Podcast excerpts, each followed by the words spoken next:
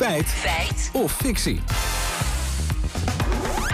Deze keer over vergelijkingssites voor zorgverzekeringen. Ja, we blijven bij de zorg. Want de Volkskrant schrijft vandaag over die zorgpremies. Die stijgen inderdaad komend jaar weer flink naar verwachting richting de 150 euro per maand.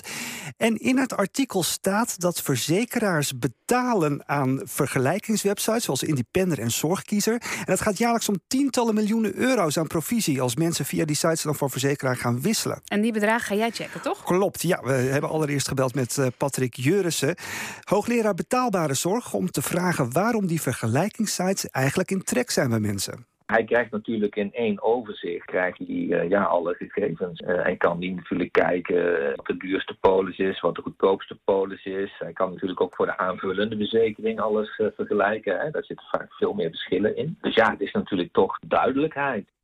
Minder moeite dus. Ja, en volgens gezondheidseconoom Xander Koolman hebben die sites ook nog een andere belangrijke functie. Door premies en polissen met elkaar te vergelijken, stimuleren zij ook de concurrentie tussen zorgverzekeraars. Die moeten daardoor uh, harder aan de bak zeg maar, om een, uh, een concurrerend aanbod te doen. En uh, die prikkel die neemt dan ook af. Hè? Die wordt minder. Als, als, de, als het lastiger wordt voor consumenten om polissen te vergelijken, dan zullen die consumenten eerder geneigd zijn om te blijven zitten waar ze zitten, ook als die, die premie wat omhoog gaat. Het mes snijdt dus aan twee kanten, zou je kunnen zeggen. Hoeveel mensen stappen eigenlijk jaarlijks over van zorgverzekeraar via zo'n site? Nou, behoorlijk wat. In totaal stappen jaarlijks zo'n anderhalf miljoen mensen over van zorgverzekering. En volgens de autoriteit Consumentenmarkt doet ruim 20% daarvan dat via een uh, vergelijkingswebsite. Dus dat zijn ongeveer 300.000 mensen. En niks is voor niks, dus die sites die houden daar ook gewoon wat aan over. Inderdaad, blijkbaar. Want voor elke overstap die via een vergelijkingssite gaat, betaalt de zorgverzekeraar een bedrag. En we vroegen aan Mirjam Prins van vergelijkingssite Independer om welk bedrag dat dan gaat.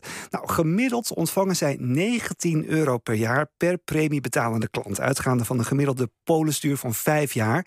Een gemiddelde overstapper levert dus een kleine 100 euro op voor een uh, vergelijkingssite. Oké, okay, nou dan ga jij rekenen. Ja, nou ja, dat klusje hebben we even uitbesteed aan gezondheidseconoom Piet de Bekker. Als je ongeveer anderhalf miljoen overstappers hebt en je gaat uit van 20% dan is dat 300.000 mensen. Als je 300.000 mensen keer een gemiddelde commissie van 100 euro doet, kom je op 30 miljoen. Nou, dat zijn tientallen miljoenen.